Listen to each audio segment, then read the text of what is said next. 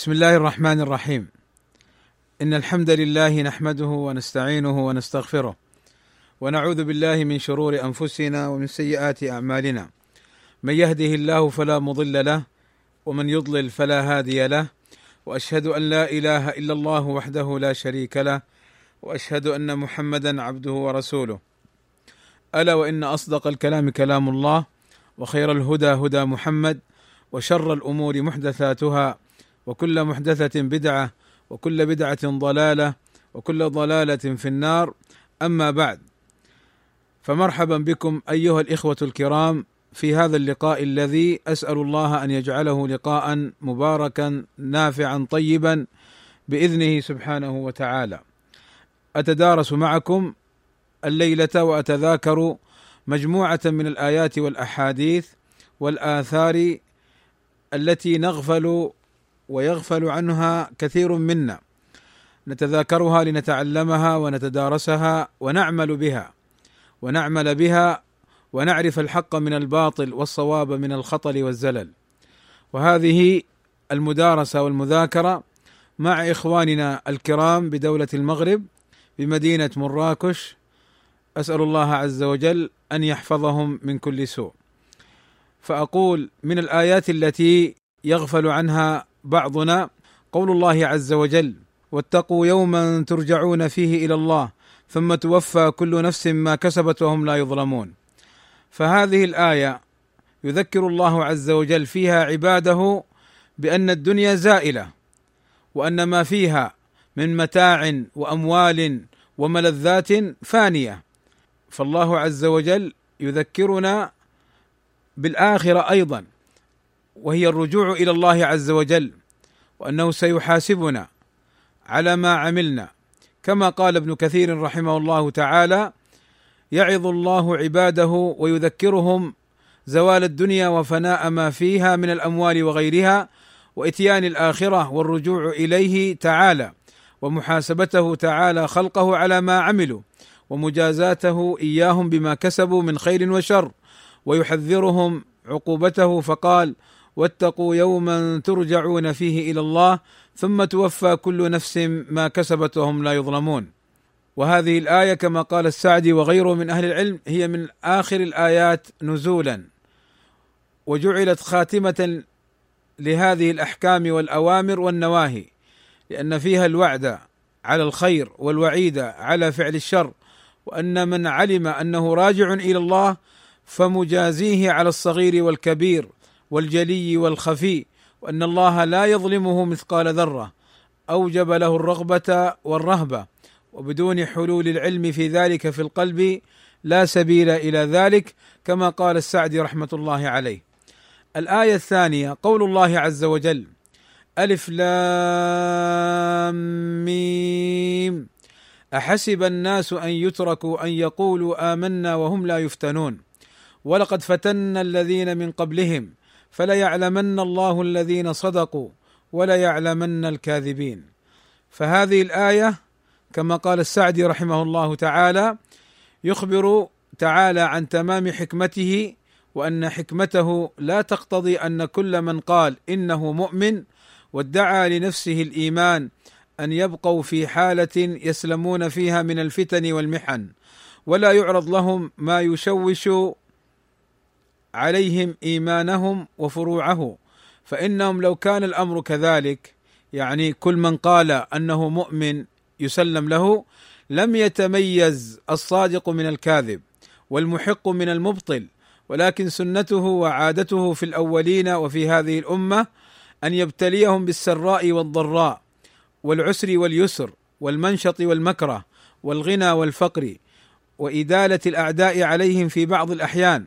ومجاهدة الأعداء بالقول والعمل ونحو ذلك من الفتن التي ترجع كلها إلى فتنة الشبهات المعارضة للعقيدة والشهوات المعارضة للإرادة.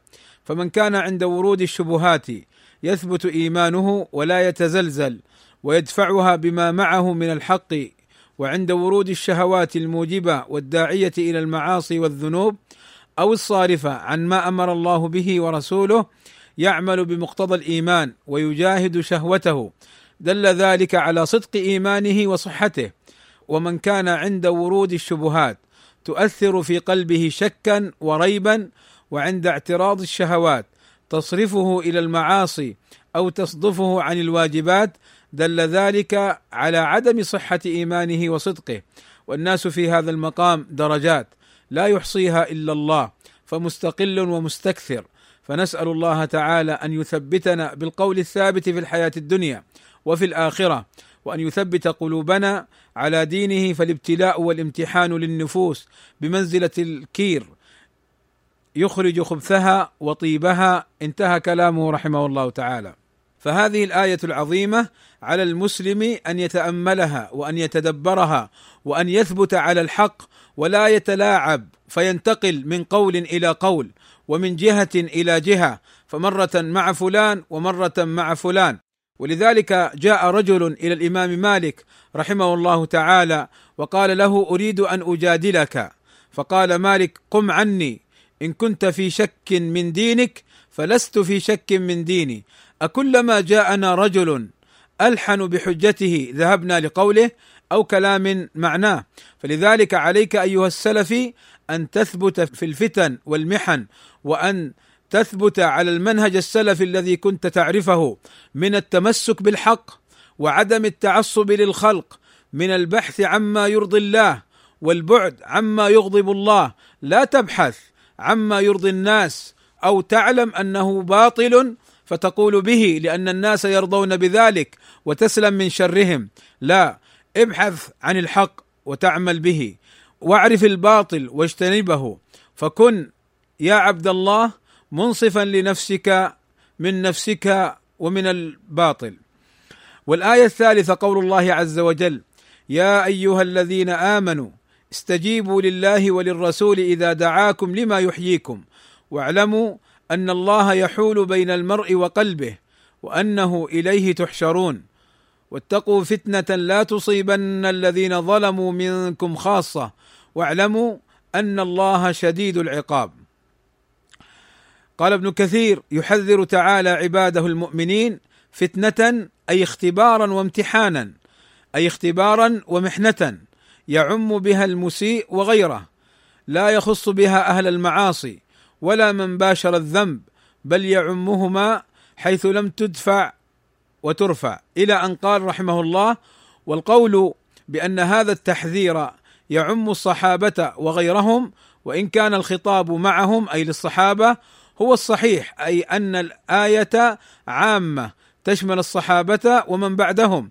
قال ويدل على ذلك الأحاديث الواردة في التحذير من الفتن. انتهى. وقال السعدي رحمه الله تعالى في قوله لا تصيبن الذين ظلموا منكم خاصة. قال بل تصيب فاعل الظلم وغيره. وذلك إذا ظهر الظلم فلم يغير فإن عقوبته تعم الفاعل وغيره. وتقوى هذه الفتنة بالنهي عن المنكر وقمع أهل الشر والفساد وأن لا يمكنوا من المعاصي والظلم مهما أمكن. واعلموا أن الله شديد العقاب لمن تعرض لمساخطه وجانب رضاه. انتهى. فتأملوا بارك الله فيكم هذه الآية واتقوا فتنة هذا خطاب. لجميع المسلمين أن يحذروا وأن يبتعدوا عن الفتن. لا تصيب الفتنة الظلمة من أهل الشر والفساد ومن أهل الجدال والطاعنين في أهل الحق. لا فإن هذه الفتنة قد تصيب كل من يخوض فيها سواء كان سواء كان مبطلا أو كان على خير ولكن بخوضه في الفتن فإنه لا يسلم. ولذلك جاء عن بعض السلف أنه قال كل من خاض في الفتن ولو كان يريد الحق فإنه لا يسلم له دينه.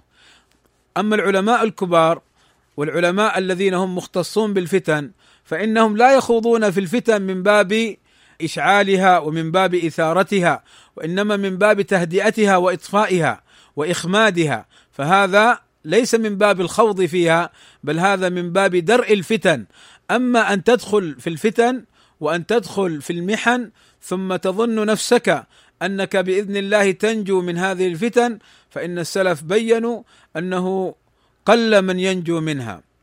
الآية الرابعة وهي قوله تعالى هو الذي أنزل عليك الكتاب منه آيات محكمات هن أم الكتاب وأخر متشابهات فأما الذين في قلوبهم زيغ فيتبعون ما تشابه منه ابتغاء الفتنة وابتغاء تأويله وما يعلم تأويله إلا الله.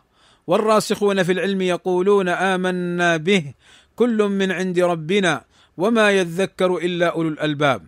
قال مجاهد قوله وابتغاء تأويله أي ابتغاء الشبهات واللبس ليضلوا بها جهالهم. وابتغاء تأويله أي تفسيره على مرادهم. وقال ابن كثير رحمه الله تعالى فأما الذين في قلوبهم زيغ أي ضلال وخروج عن الحق إلى الباطل فيتبعون ما تشابه منه أي إنما يأخذون منه بالمتشابه الذي يمكنهم أن يحرفوه إلى مقاصدهم الفاسدة وينزلوها عليها لاحتمال لفظه لما يصرفونه. فأما المحكم فلا نصيب لهم فيه لأنه دامغ لهم وحجة عليهم. ولهذا قال ابتغاء الفتنة أي الإضلال لأتباعهم إيهاما لهم أنهم يحتجون على بدعتهم بالقرآن وهذا حجة عليهم لا لهم. وقوله وابتغاء تأويله أي تحريفه على ما يريدون. ثم أورد ابن كثير رحمه الله تعالى حديث عائشة رضي الله عنها أم المؤمنين حيث قالت تلا رسول الله صلى الله عليه وسلم هو الذي أنزل عليك الكتاب منه آيات محكمات هن أم الكتاب وأخر متشابهات إلى قوله وما يذكر إلا أولو الألباب فقال صلى الله عليه وسلم فإذا رأيت الذين يتبعون ما تشابه منه فأولئك الذين سمى الله فاحذروهم انتهى كلامه رحمه الله تعالى. فهذه الآية بارك الله فيكم بينت أن هناك من الناس من قد يستدل بالقرآن وبآيات القرآن المتشابهة ومعنى كونها متشابهة في هذه الآية أي تحتمل معنى حق هو المراد بإرجاعها للمحكم.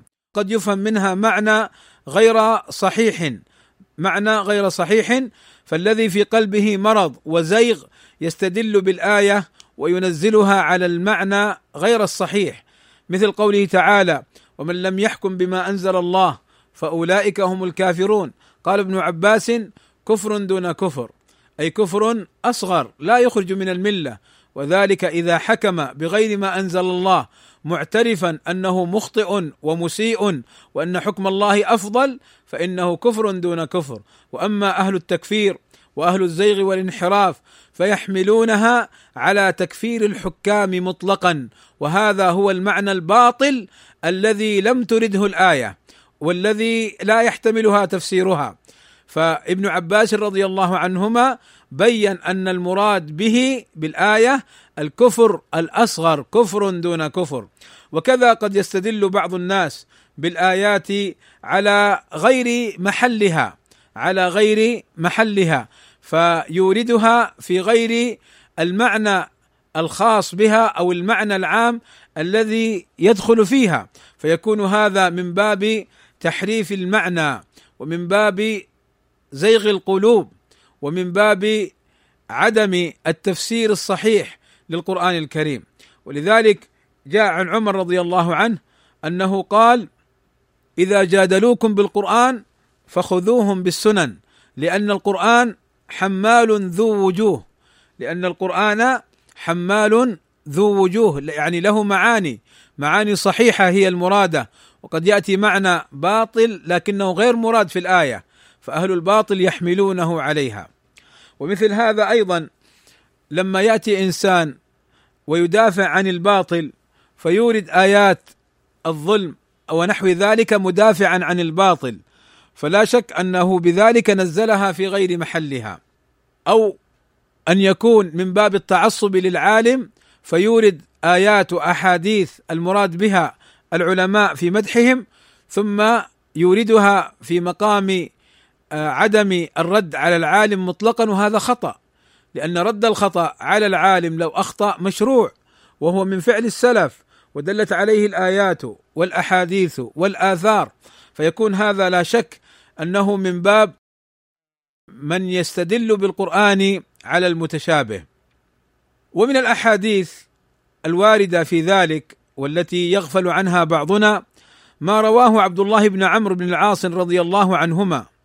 قال بينما نحن حول رسول الله صلى الله عليه وسلم إذ ذكروا الفتنة أو ذكرت عنده أي الفتنة فقال إذا رأيت الناس قد مرجت عهودهم وخفت أماناتهم وكانوا هكذا وشبك بين أصابعه. فقلت له كيف أفعل عند ذلك؟ جعلني الله فداك. فقال صلى الله عليه وسلم إلزم بيتك واملك عليك لسانك وخذ ما تعرف ودع ما تنكر وعليك بأمر خاصة نفسك ودع عنك أمر العامة. حديث صححه الألباني رحمه الله تعالى أخرجه أحمد وأبو داود وغيرهما.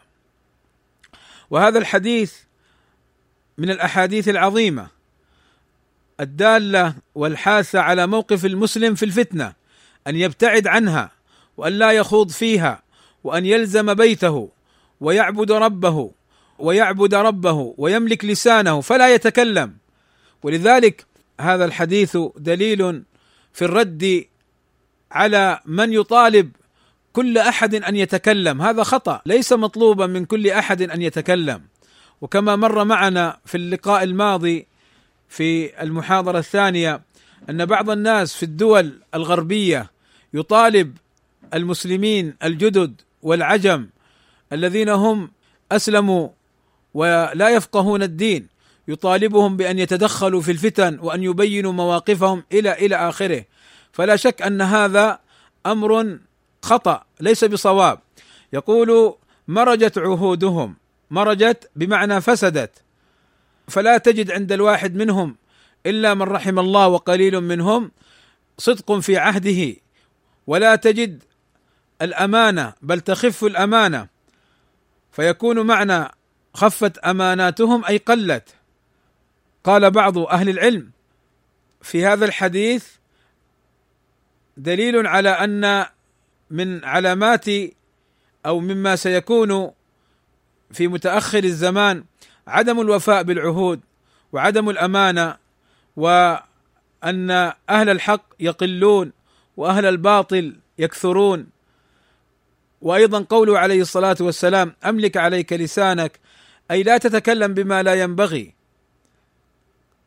فلا تكون سببا في الفتنة لا بقول ولا بعمل كما قاله بعض أهل العلم.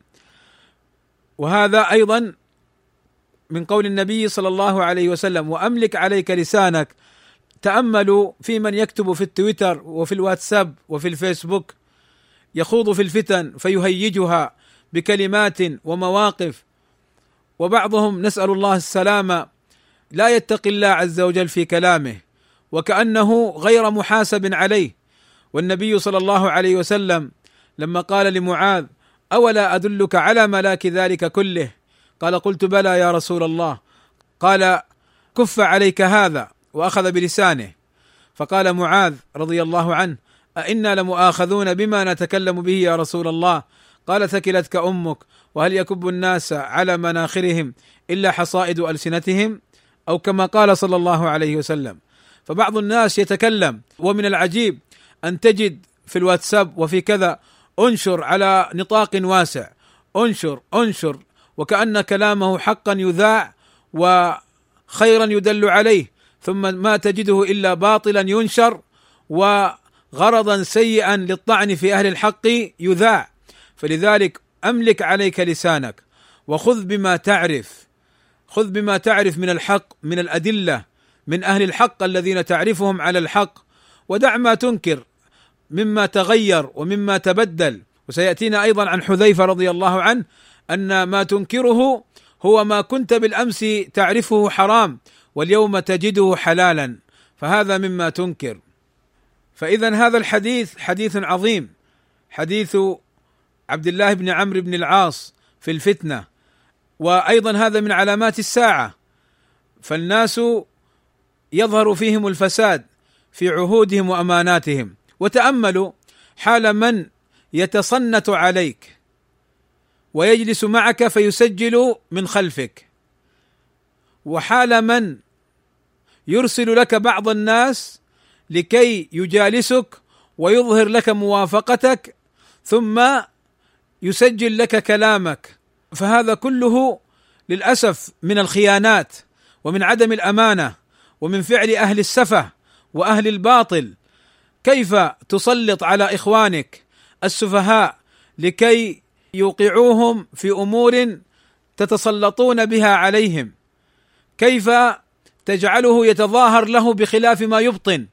بالله بينوا لي هل هذا الذي يأمر طلابه بمثل هذا الأمر هل هذا رجل صادق؟ هل هذا رجل يصلح للدعوة؟ فضلا أن يكون علامة أو أن يكون مرجعا للسلفيين؟ والله لقد أخبرنا بعض الطلبة أن فلانا من الناس ممن يشاد به يأمرهم بالجلوس إلى فلان وأن يسجلوا أخوهم سلفي ويعرفونه سلفي ليس بصاحب بدعة وأن يسجلوا معه ثم يأتون بالطلاب ومحاضر وشهود وكتابات ويحفظونها في ملفات ويعني أشياء مرعبة نسأل الله السلامة والعافية أين نحن؟ هل نحن نعمل بديننا وشرعنا كما أخبرنا النبي صلى الله عليه وسلم أم نعمل بأهوائنا؟ هذا لا شك أنه من فساد العهود والأمانات. هذا لا شك مما أخبر به النبي صلى الله عليه وسلم. كيف؟ كيف تتتبع أخاك السلفي وتريد أن تسقطه؟ ولو كان مخطئا خطأ غير متعمد إن صحوا اصبر عليه. أما أن ترسل له من يسجل ومن يشهد ومن كذا ومتخفي ويظهر له الموافقة وهذاك يتكلم بما يعتقده مما لا يستطيع أن يظهره. ثم ما ندري إلا ملفات. وتأتينا الردود تخرج تخرج بصور للواتساب وصور بالكلام كذا ضد العلماء والمشايخ وضد وضد. من سنوات لها هذه الصور. والله هؤلاء خونة. والله هؤلاء لا يؤتمنون. أخوك كان يتكلم معك بأمانة وصدق وكان يحملك على الخير وأنت جاسوس عليه وأنت تخونه ولا تصدق معه. نسأل الله السلامة والعافية. طبقوا إخواني. طبقوا مثل هذه الأحاديث على هؤلاء الناس. وانظروا كيف كيف أن هؤلاء يخالفون أحاديث النبي صلى الله عليه وسلم. وتأملوا قوله صلى الله عليه وسلم عليك بخاصة نفسك. قال بعض أهل العلم اي اجتهد في خلاص نفسك فلا تهلكها مع الهالكين. فلا تهلكها مع الهالكين. ولذلك على المسلم أن يحرص على طلب النجاة لنفسه لا طلب النجاة لحزبه ولا لإرضاء فلان وفلان من الناس. وإياكم والفتنة بالدنيا والمال والجاه والرياسة كما سيأتينا إن شاء الله تعالى. ومن الأحاديث أيضا قول النبي صلى الله عليه وسلم ما رواه عبد الله بن عمرو بن العاص رضي الله عنهما عن النبي صلى الله عليه وسلم إنه لم يكن نبي قبلي إلا كان حقا عليه أن يدل أمته على خير ما يعلمه لهم وينذرهم شر ما يعلمه لهم وإن أمتكم هذه جعل عافيتها في أولها وسيصيب آخرها بلاء وأمور تنكرونها وتجيء فتنة فيرقق بعضها بعضا وتجيء الفتنة فيقول المؤمن هذه مهلكتي ثم تنكشف وتجيء الفتنة فيقول المؤمن هذه هذه فمن أحب أن يزحزح عن النار ويدخل الجنة فلتأته منيته وهو يؤمن بالله واليوم الآخر وليأتي إلى الناس الذي يحب أن يؤتى إليه ومن بايع إماما فأعطاه صفقة يده وثمرة قلبه فليطعه إن استطاع فإن جاء آخر ينازعه فاضربوا عنق الآخر. حديث أخرجه مسلم في الصحيح. فقول النبي صلى الله عليه وسلم تجيء فتنة يرقق بعضها بعضا أي يصير بعضها بالنسبة لما قبلها خفيف. فيرى أن السابقه أخف من اللاحقه وذلك لعظم ما بعدها. قال النووي رحمه الله تعالى وليأتي إلى الناس الذي يحب أن يؤتى إليه. قال هذا من جوامع كلمه صلى الله عليه وسلم وبديع حكمه وهذه قاعدة مهمة فينبغي الاعتناء بها وأن الإنسان يلزم أن لا يفعل مع الناس إلا ما يحب أن يفعلوه معه انتهى كلامه رحمه الله. وصدق فإن هذه القاعدة في زمن الفتنة قاعدة مهمة وغيرها من الأزمان. ياتي إلى الناس الذي يحب أن يؤتى إليه. هل تحب أن ينشر أحد فضائحك؟ هل تحب أن يسجل عليك أحد في الخفاء؟ هل تحب أن تسقط وأنت لا تريد الباطل ولم تتعمده؟ فكيف تفعله مع إخوانك؟ وهذا الحديث أيضا علم من أعلام النبوة. وأنه في آخر الزمان سيكون هناك فتن. نعم مرت علينا والله فتن. كل ما تأتينا فتنة نقول هذه عظيمة. تأتي الأخرى نقول الأخرى أعظم مما سبقها. فمرت علينا فتن المغراوية والعرعورية والمأربية والحلبية وقبلها الفالحية والحدادية وغيرها من الفتن كفتنة الحجور والآن فتن أيضا يعني نجدها كل ما جاءت فتنة نقول هذه أشد هذه أشد لكن ما المخرج؟ انظروا إلى قول النبي صلى الله عليه وسلم فمن أحب أن يزحزح عن النار ويدخل الجنة فلتاته منيته وهو يؤمن بالله واليوم الآخر بمعنى وهو يؤمن بالله واليوم الآخر قولا وفعلا فيبتعد عن الباطل وأهله ويلزم الحق وأهله ويبتعد عن الفتن ويفعل مع الناس من الخير الذي يحب أن يفعل معه. وأيضا مع الحاكم الشرعي الذي بايعه لا ينزع يده من الطاعة بل هو بايعه فعليه أن يطيعه بالمعروف ويطيعه إلى أن يموت. فإن خرج على الحاكم الشرعي خارج آخر فإنه يقاتل مع الحاكم الشرعي هذا الخارج الآخر ولا يسلم له بل يسلم للحاكم الشرعي الذي بايعه والذي له في عنقه بيعة.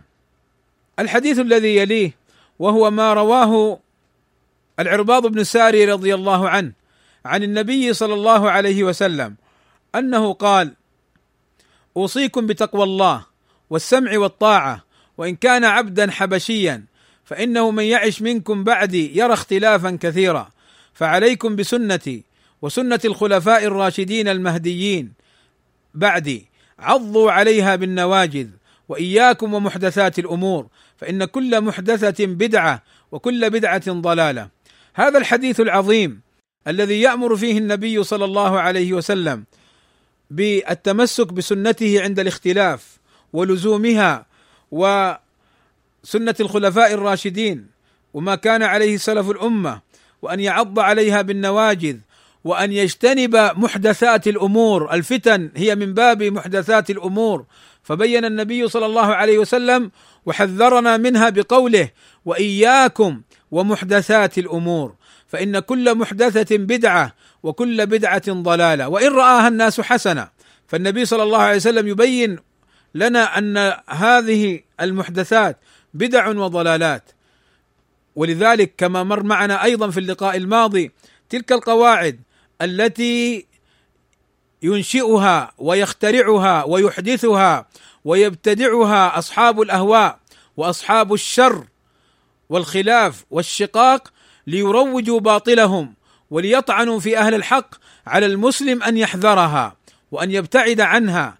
قال الألباني رحمه الله تعالى هذا الحديث من الأحاديث الهامة التي تحض المسلمين على التمسك بالسنة وسنة الخلفاء الراشدين الأربعة ومن سار سيرتهم والنهي عن كل بدعة وأنها ضلالة وإن رآها الناس حسنة كما صح عن ابن عمر رضي الله عنه قال والأحاديث في النهي عن ذلك كثيرة معروفة ومع ذلك فقد انصرف عنها جماهير المسلمين اليوم لا فرق في ذلك بين العامة والخاصة اللهم إلا القليل منهم بل إن الكثيرين منهم لا يعدون البحث في ذلك من توافه الأمور. يعني بيان السنة من البدعة هذا أمر تافه لا تشغل الناس به. قال بل إن الكثيرين منهم لا يعدون البحث في ذلك من توافه الأمور وأن الخوض في تمييز السنة عن البدعة يثير الفتنة ويفرق الكلمة وينصحون بترك ذلك كله. وترك المناصحة في كل ما هو مختلف فيه ناسين أو متناسين أن من المختلف فيه بين أهل السنة وأهل البدعة كلمة التوحيد. فهم لا يفهمون منها وجوب وجوب توحيد الله في العبادة وأنه لا يجوز التوجه إلى غيره تعالى بشيء منها كالاستغاثة والاستعانة بالموتى من الأولياء والصالحين. وهم يحسبون أنهم يحسنون صنعا. انتهى. أقول أيضا مما يدخل في هذا الحديث أولئك الذين يسكتون أهل الحق الذين يردون الباطل بالدليل ويقيمون الحق بالدليل فيسكتونهم فيقولون اسكت أنت بذلك تطعن في فلان اسكت أنت بذلك تناصر فلان. يا أخي أنا أبين الدليل وأبين الحق بالدليل وأتمسك بالدليل. كيف تجعل بيان الدليل وبيان الحق ورد الباطل من الفتنة إلا إن كنت أنت صاحب فتنة؟ إلا إن كنت أنت صاحب الفتنة. ولذلك كلام الألباني رحمه الله تعالى كلام دقيق. ومن الأحاديث التي أريد أن أقف فيها معكم قول النبي صلى الله عليه وسلم سلامة الرجل في الفتنة أن يلزم بيته. كما رواه عنه أبو موسى رضي الله عنه سلامة الرجل في الفتنة أن يلزم بيته. ويلزم بيته كما سبق في الأحاديث أن يستمر فيما كان يعرف من الحق وأن يجتنب الفتنة والخوض فيها بالفعل أو بالقول. أما إذا كنت في بيتك وفاتح النت وترسل في الواتساب وفي الفيسبوك وفي تويتر وتقول والله أنا في بيتي ما خض في الفتنة طيب أنت خايض فيها الآن عن طريق النت فأنت ها هنا لم تلزم بيتك ولم تبتعد عن الفتنة. ولذلك النبي صلى الله عليه وسلم يقول سلامة الرجل في الفتنة أن يلزم بيته ومعنى الحديث أن يبتعد عن الفتنة وأن يبتعد عن أهلها. ومن الأحاديث أيضا التي يغفل عنها بعض المسلمين ما رواه مسلم عن زيد بن ثابت عن النبي صلى الله عليه وسلم أنه قال تعوذوا بالله من الفتن ما ظهر منها وما بطن. فقال الصحابة نعوذ بالله من الفتن. ما ظهر منها وما بطن. اذا الفتنة لها أمور ظاهرة. يدركها من استطاع إدراكها. وهناك أمور باطنة. لا يدركها إلا المختصون من أهل العلم من أهل الدراية بالفتن. فليس كل من خاض في الفتن من العلماء هو أهل للخوض فيها. فلا بد أن يمسك بعضهم لأنه ليس من أهلها. فإن الفتن تحتاج إلى عقل وإلى حكمة بعد العلم بالكتاب والسنة وما كان عليه سلف الأمة. وتحتاج أيضا إلى تقوى من الله عز وجل. فإن بعض الناس قد يخوض في الفتن بهواه وبميل نفسه فتراه يميل مع الطائفة التي توافقه ويرد على الطائفة التي لا توافقه. ولو كان الجميع إخوانه السلفيين. فيميل مع هذه الطائفة لميل طبعه ونفسه إليهم أو لعداوة سابقة لآخرين. كما نجد من بعض الناس أنه يستغل هذه الفتن في الطعن في بعض إخوانه والمسكين يظن نفسه أنه على حق وهو مبطل لأنه ما درى أن الفتن مبطنة وأنه دخل في باطنها إن كان هذا مقصده وهذا سبيله. وهذا أيضا الحديث فيه دليل على أن المسلم عليه أن يتعوذ بالله من الفتن. أما بعض الناس يشمر عن ساعديه ويضرب على صدره ويقول أنا لها أنا لها مسكين لا يدري. أنه هو لها مغموس فيها غير موفق لها إلا أن يشاء الله. فلذلك يتعوذ المسلم من الفتن. ولذلك الفتن يعني بعض الناس يظن أن الفتن خاصة بالعامة انتبهوا. نحن قدمنا في الآية السابقة وأن الآية عامة حتى لو كان من أهل العلم. لو خاض في الفتن بغير حق فإنه ينجر وراءها شاء أم أبى. ولو كان علامة ولو كان عند البعض فهامة. ولو كان البعض الآخر يعظمه وشيخنا شيخنا. فإذا خاض في الفتنة بغير الحق فإنه ينجرف وراءها. ويكون داخلا في هذه الأحاديث. فاذا كان الصحابة على علمهم وورعهم وتقواهم يتعوذون من الفتن وبعضهم اجتنبها وتركها مع علمه وتقواه. فكيف يأتي اليوم من يفرح بالفتن ويظن نفسه أنه أهل لها؟ ومن الأحاديث ما رواه عمرو بن تغلب عن النبي صلى الله عليه وسلم أنه قال إن من أشراط الساعة أن يفيض المال أي يكثر ويكثر الجهل يعني عدم العلم بالكتاب والسنة وتظهر الفتن. تظهر الفتن بمعنى تكثر. وجاء في بعض الأحاديث أن الفتن في آخر الأمة تأتي كالظلل أي كالجبال وكالسحب الكثيفة من كثرتها ومن كونها تأتي على الناس. قال وتفشو التجارة ويقل العلم. فإذا بارك الله فيكم. هذا الحديث من أشراط الساعة. والمعنى واضح. والنبي صلى الله عليه وسلم حينما يقول وتظهر الفتن يريد أن المسلم لا يخدع بكثرتها. فلا تهلك مع كثرة الهالكين. كما قال بعض السلف عليك بسلوك طريق الحق وإن قل أهله. وإياك وطرق أهل الشر والفساد وإن كثر أهله فلا تهلك مع الهالكين. فهذا الحديث من فوائده التحذير من الفتن. لا تغتر بكثرة أصحاب البيانات ولا تغتر بكثرة المناصرين في الواتساب وفي التويتر. ولا تغتر بمن يزكي فلان وفلان ممن لا يصح قوله في نفسه جرحا أو تعديلا فضلا عن يجرح أو أن يعدل غيره. لا تغتر بهذا لا تغتر بهذه الكثرة وتقول فلان وفلان وفلان فإن هذه من الفتن المتكاثرة التي قد يغتر بها المسلم ولا ينتبه لها فيقع في المهالك. نسأل الله السلامة. فلذلك هذا الحديث عظيم وكل أحاديث النبي صلى الله عليه وسلم عظيمة. فاحذر يا عبد الله من الفتن ولا تغتر بكثرة الهالكين. أيضا من الأحاديث ما رواه المقداد ابن الأسود رضي الله عنه. قال أيم الله يعني يقسم بالله. لقد سمعت رسول الله صلى الله عليه وسلم يقول إن السعيد لمن جنب الفتن. إن السعيد لمن جنب الفتن. إن السعيد لمن جنب الفتن. ولمن ابتلي فصبر. فواها هكذا كررها النبي صلى الله عليه وسلم ثلاثا. إن السعيد لمن جنب الفتن. وكررها عليه الصلاة والسلام لأهميتها ولتأكيدها ولينتبه السامع. إذا أردت أن تكون سعيدا فالحا فائزا مرضيا عنك عند الله عز وجل اجتنب الفتن. واصبر إذا ابتليت. وقوله فواها هذه قال أهل اللغة وشراح الحديث؟ معناها التلهف. وأيضا تأتي بمعنى الإعجاب بالشيء أي بمعنى أن الذي تجنب الفتن وصبر عليها عند ابتلائه بها فهذا مقام عال فهذا مقام عال وموقف محمود. لا يستطيعه كل أحد. ومعنى واهن على التلهف أي على الخوف لأن الفتن لا يسلم منها من قرب منها فضلا عمن خاضها.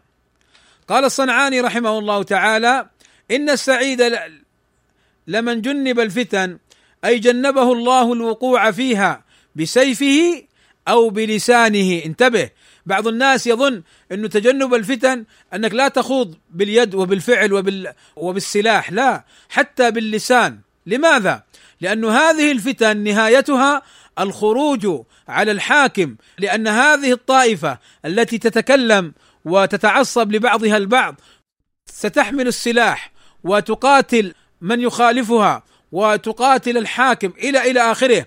أما جاء في أثر آه، أبي موسى الأشعري لما ذهب إلى ابن مسعود في قصة أصحاب الحلق لما رآهم يذكرون الله كانوا في المسجد يذكرون الله يسبحونه يحمدونه يهللون يقولون لا إله إلا الله ويكبرون الله عز وجل الله أكبر. كانوا في المسجد ومع ذلك يقول الراوي ولقد رأيت أكثر أهل تلك الحلق يطاعنوننا يقاتلوننا بالسيف يوم النهروان.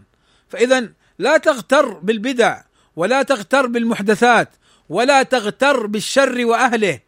فإن هؤلاء مصيرهم إلى الفتن وإلى القتال وإلى إضعاف شوكة المسلمين. ولذلك أكمل كلام الصنعاني ثم أنبه. فإذا قال الصنعاني جنبه الله الوقوع فيها بسيفه أو لسانه ولمن ابتلي بأي بلية فصبر فالسعادة له من حيث صبره على البلية. انتهى كلامه رحمه الله. ولذلك إخواني انتبهوا من طرق أعداء الإسلام أن يزرعوا في المجتمع المسلم اناسا يظهرون الحق ويبطنون الباطل فيفرقون بين أهل الحق فيختلف المسلمون والسلفيون فيما بينهم فتضعف شوكة المسلمين بضعف شوكة أهل الحق فيتسلط عليهم أعداؤهم. فاذا الفتن تقود إلى الخروج على السلطان والفتن تقود إلى تسلط أهل الباطل على أهل الحق وقد ذكر طائفة من أهل العلم إن من سبل وطرق أهل الباطل أن يزرعوا. شخصا ما يقول لك أنا أريد أن تتفرقوا وأريد أن أخرب عليكم وأريد أن ينتصر عليكم أعداؤكم لا. وإنما الذي يفعلونه أن يأتيك ويقول أنا معك وهذا الحق ونسلك هذا الطريق ونحن كذا وكذا ثم ما أن تدخل معه حتى تخرج إلى الضلال. انظروا إلى قول الله عز وجل ولا تنازعوا فتفشلوا وتذهب ريحكم واصبروا أي على الحق ومع أهل الحق. إن الله مع الصابرين.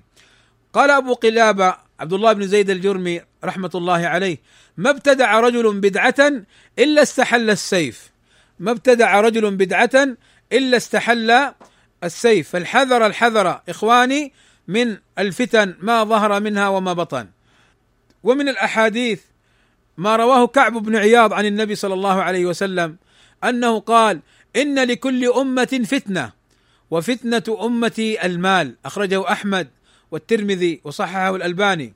وهذا الحديث عظيم فإن بعض الناس ينصر الباطل ويخذل الحق وأهله وينصر الباطل وأهله بسبب المال مما يأتيه من مال من هنا أو ها هنا. فينصر الباطل ويرد الحق فيكون المال فتنة له في الشبهات أو فتنة له في الشهوات. وأيضا من الآثار الواردة في هذا ما قاله حذيفة رضي الله عنه. إنك لا تضرك الفتنة. ما عرفت دينك. إنما الفتنة إذا اشتبه عليك الحق والباطل. فلم تدري أيهما تتبع فتلك الفتنة. في هذا الأثر عن حذيفة رضي الله عنه أن على المسلم أن يعرف دينه ويعرف الحق وأنه إذا عرف الحق من الباطل لم يكن الأمر بالنسبة له فتنة. ولذلك من الخطأ الذي نراه من بعض الناس لما يعلو الحق على الباطل وينتصر أهل الحق يخمدون أهل الحق بقولهم فتنة فتنة فتنة فتنة. أما عندما كان الباطل يصول ويجول فترة من الزمن على الحق لم نسمع منه فتنة فتنة بل كان ساكتا خاملا. وأما عند انتصار الحق وأهله يقول فتنة فتنة. أيضا مما أريد أن أبين سريعا في هذا الباب ما جاء عن عن حذيفة أيضا رضي الله عنه حين قال من أحب منكم أن يعلم أصابته الفتنة أم لا فلينظر فإن رأى حراما ما كان يراه حلالا أو يرى حلالا ما كان يراه حراما فقد أصابته. فإذا كان أخوك السلفي الذي تعرفه بالأمس وهو اليوم هو هو ثم أنت تبدعه وتضلله وتحاربه وترميه بالفواقر فأنت في فتنة. وإذا كان ذاك المخالف أو المبتدع أو المنحرف الذي تعرفه بالأمس منحرفا واليوم هو أخوك وأنت تزكيه وهو معك وهو هو الذي كان بالأمس فرأيته اليوم صاحب سنة أو سلفيا فهذا لا شك من باب الولوج في الفتن. إخواني هذه جملة من الأحاديث والآثار وأقف سريعا معكم على بعض أسباب الفتن التي ذكرها أهل العلم. وأبين ما قاله ابن القيم الجوزية رحمه الله تعالى بأن الفتنه نوعان فتنة الشبهات وهي أعظم الفتنتين لأنها في الدين وفتنة الشهوات. قال وقد يجتمعان للعبد أو قد ينفرد بأحدهما قال ففتنة الشبهات من ضعف البصيرة وقلة العلم ولا سيما إذا اقترن بذلك فساد القصد وحصول الهوى فهنالك الفتنة العظمى والمصيبة الكبرى إلى أن قال وأما النوع الثاني من الفتنة ففتنة الشهوات. وقد جمع الله سبحانه بين ذكر الفتنتين في قوله كالذين من قبلكم كانوا أشد منكم قوة وأكثر أموالا وأولادا فاستمتعوا بخلاقهم فاستمتعتم بخلاقكم. الآية أي استمتعوا بنصيبهم من الدنيا وشهواتها والخلاق هو النصيب المقدر. ثم قال وخضتم كالذي خاضوا. ففتنة الشبهات تدفع باليقين وفتنة الشهوات تدفع بالصبر. ولذلك جعل الله سبحانه وتعالى إمامة الدين منوطة بهذين الأمرين وجعلنا منهم أئمة يهدون بأمرنا لما صبروا وكانوا بآياتنا يوقنون.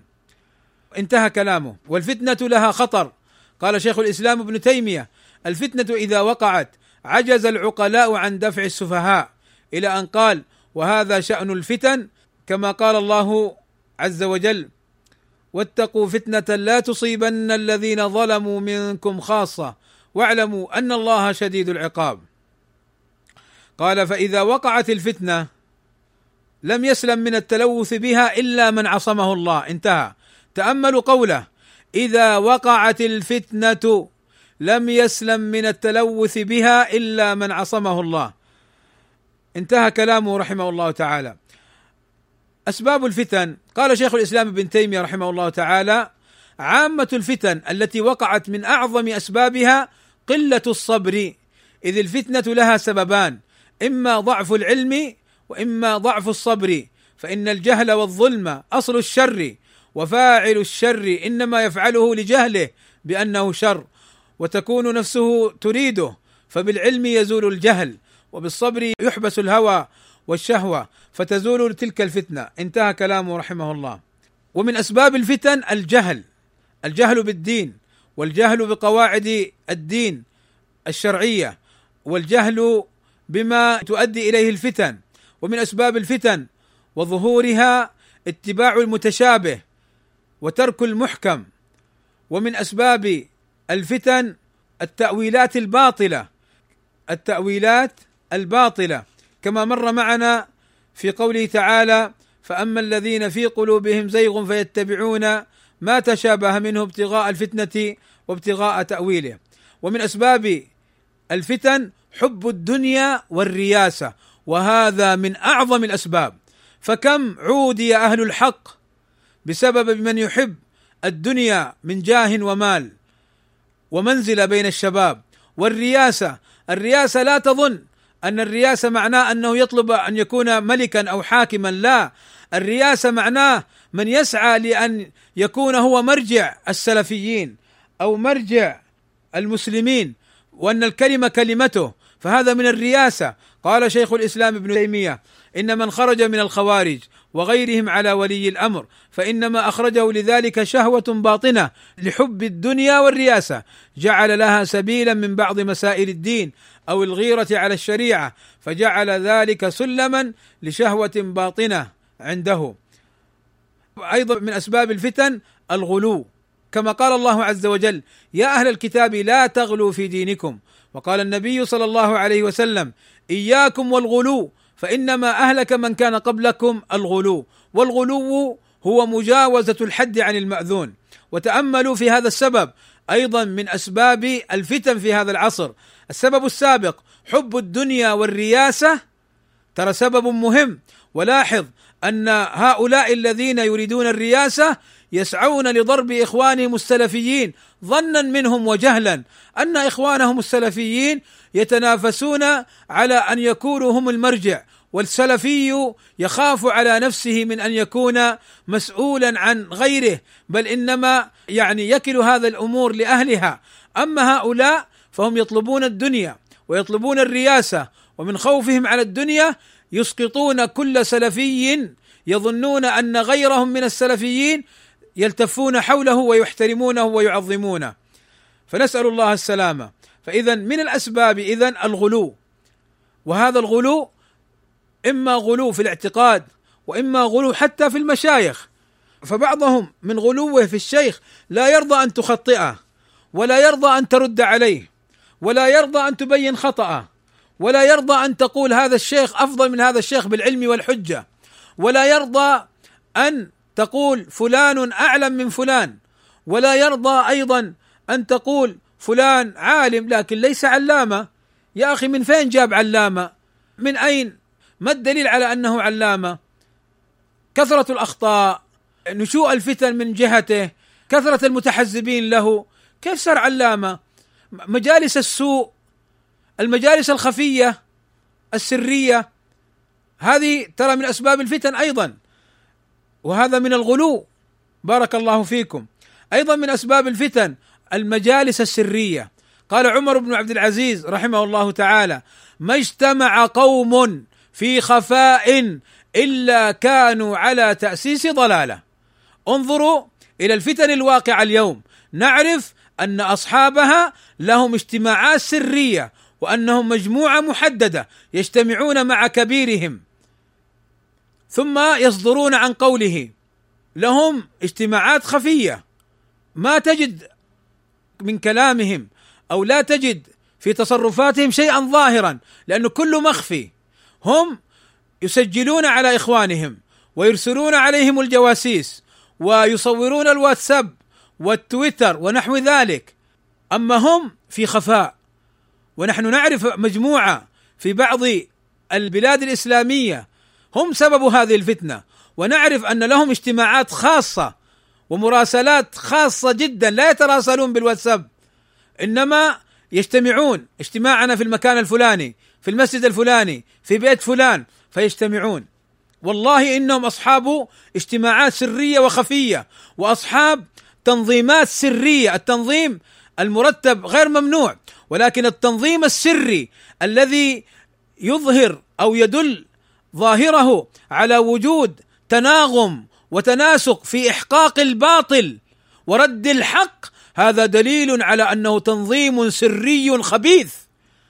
التنظيم الذي يخذل أهل الحق ويضربهم ويريد إسقاطهم هو تنظيم سري خبيث وقد يكون بمعونة وتأييد من بعض الجهات.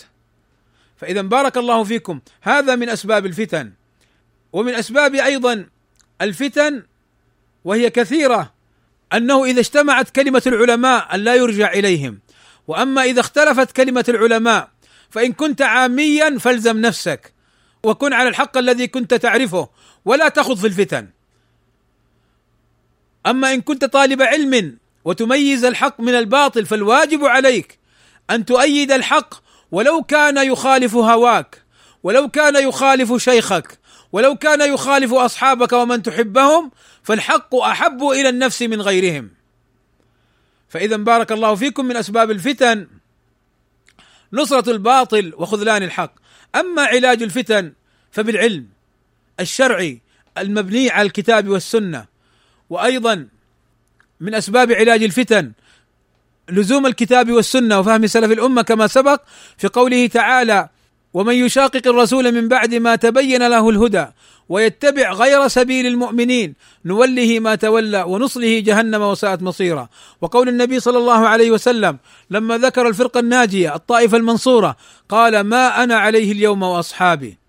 أيضا من سبيل علاج الفتن عدم الخوض فيها وتركها للعلماء الذين يعالجونها بوأدها وتخفيفها وبإزالتها ودرئها.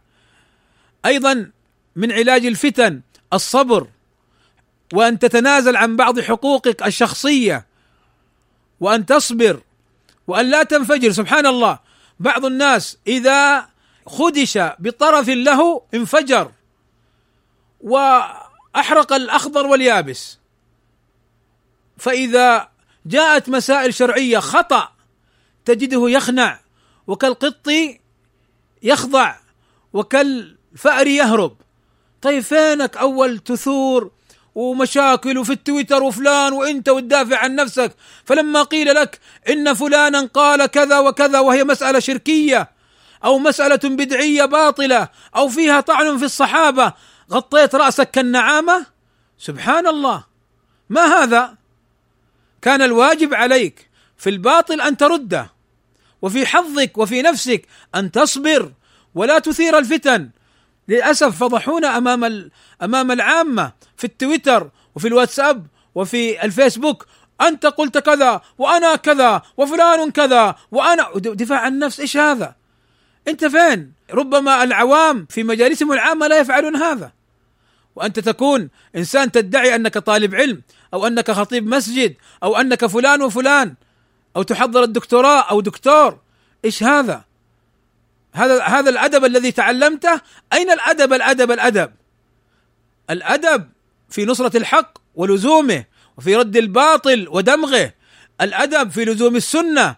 الأدب في الصبر في وقت الفتن. الأدب أن تنصر أخاك السلفي.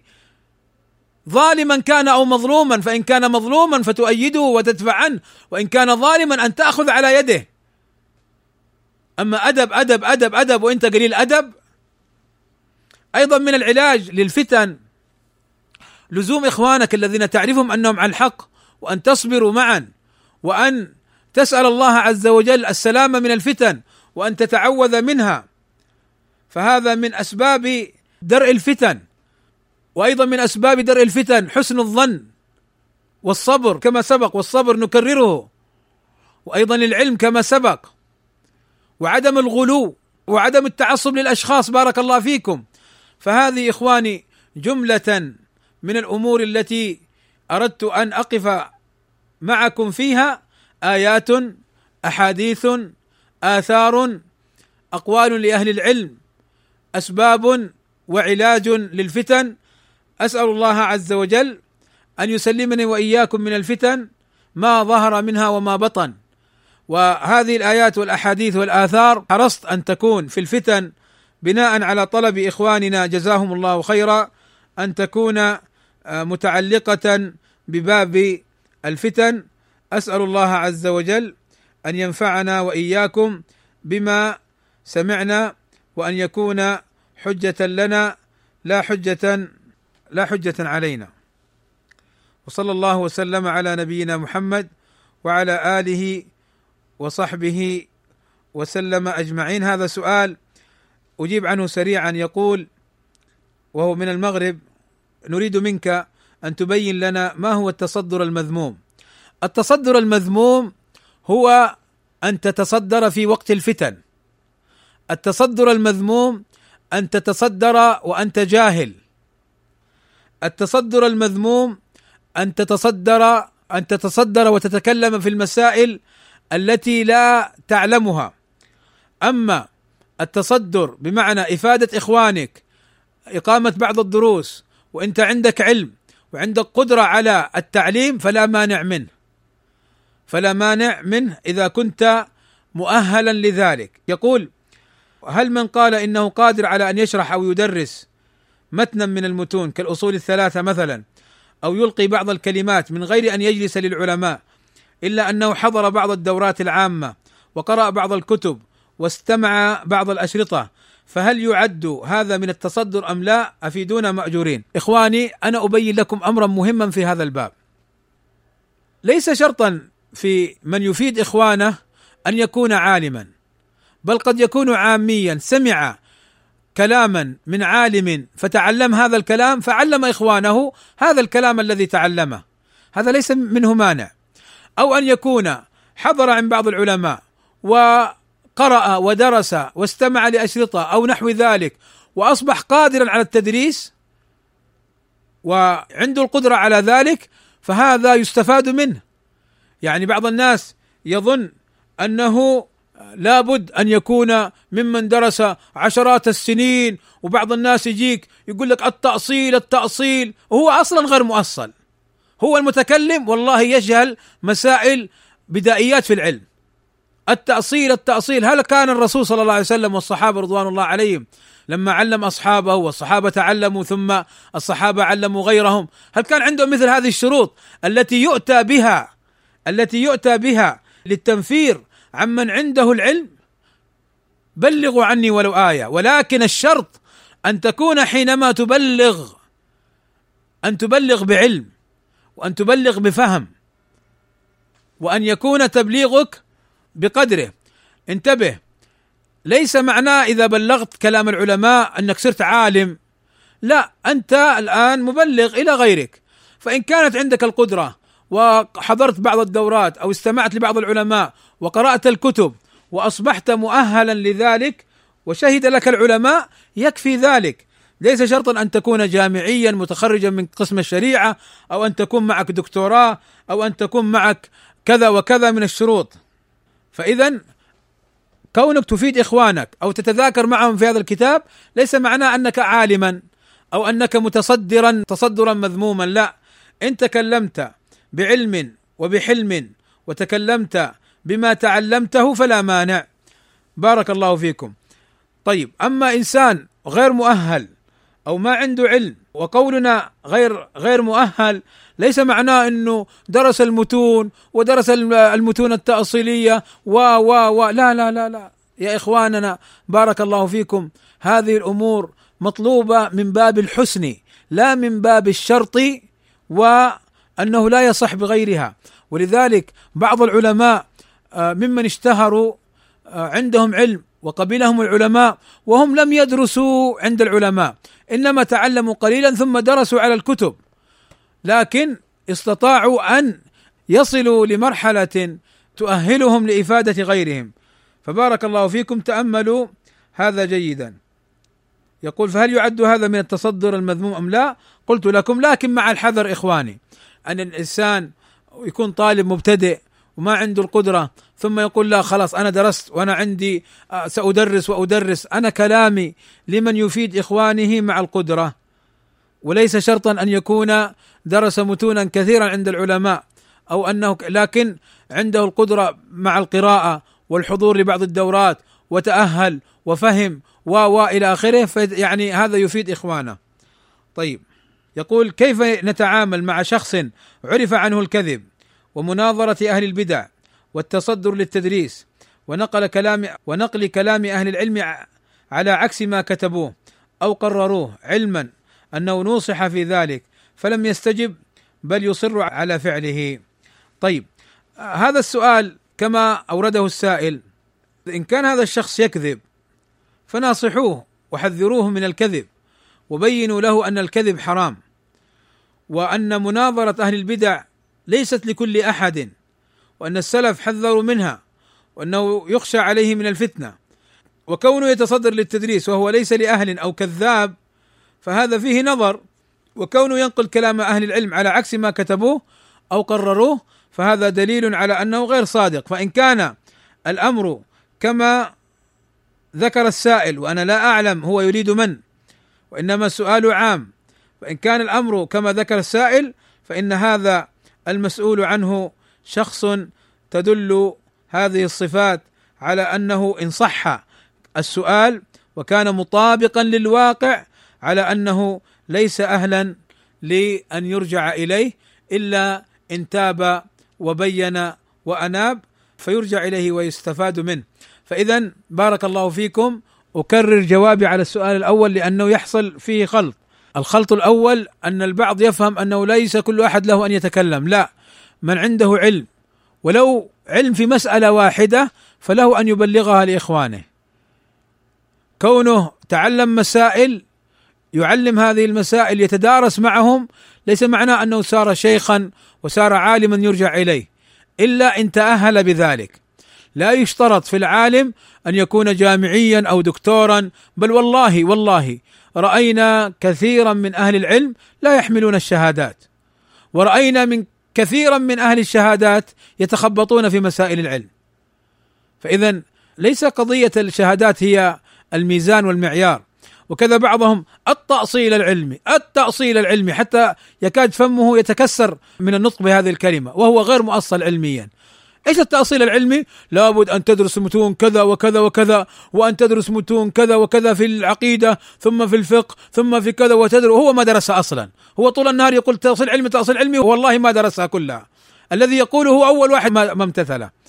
طيب من اشترط هذا التأصيل بهذه الصورة؟ ارجعوا إلى الأصول الستة الشبهة التي ذكرها شيخ الإسلام محمد بن عبد الوهاب الشيطانية التي تقول أنه يعني ما يتكلم أو ما يجتهد إلا من حصل كذا وكذا وكذا وراجعوا ما ذكر في شرحها فإنها تبين لكم فساد هذا القول. هذا وصلى الله وسلم على نبينا محمد وعلى آله وصحبه أجمعين. والحمد لله رب العالمين.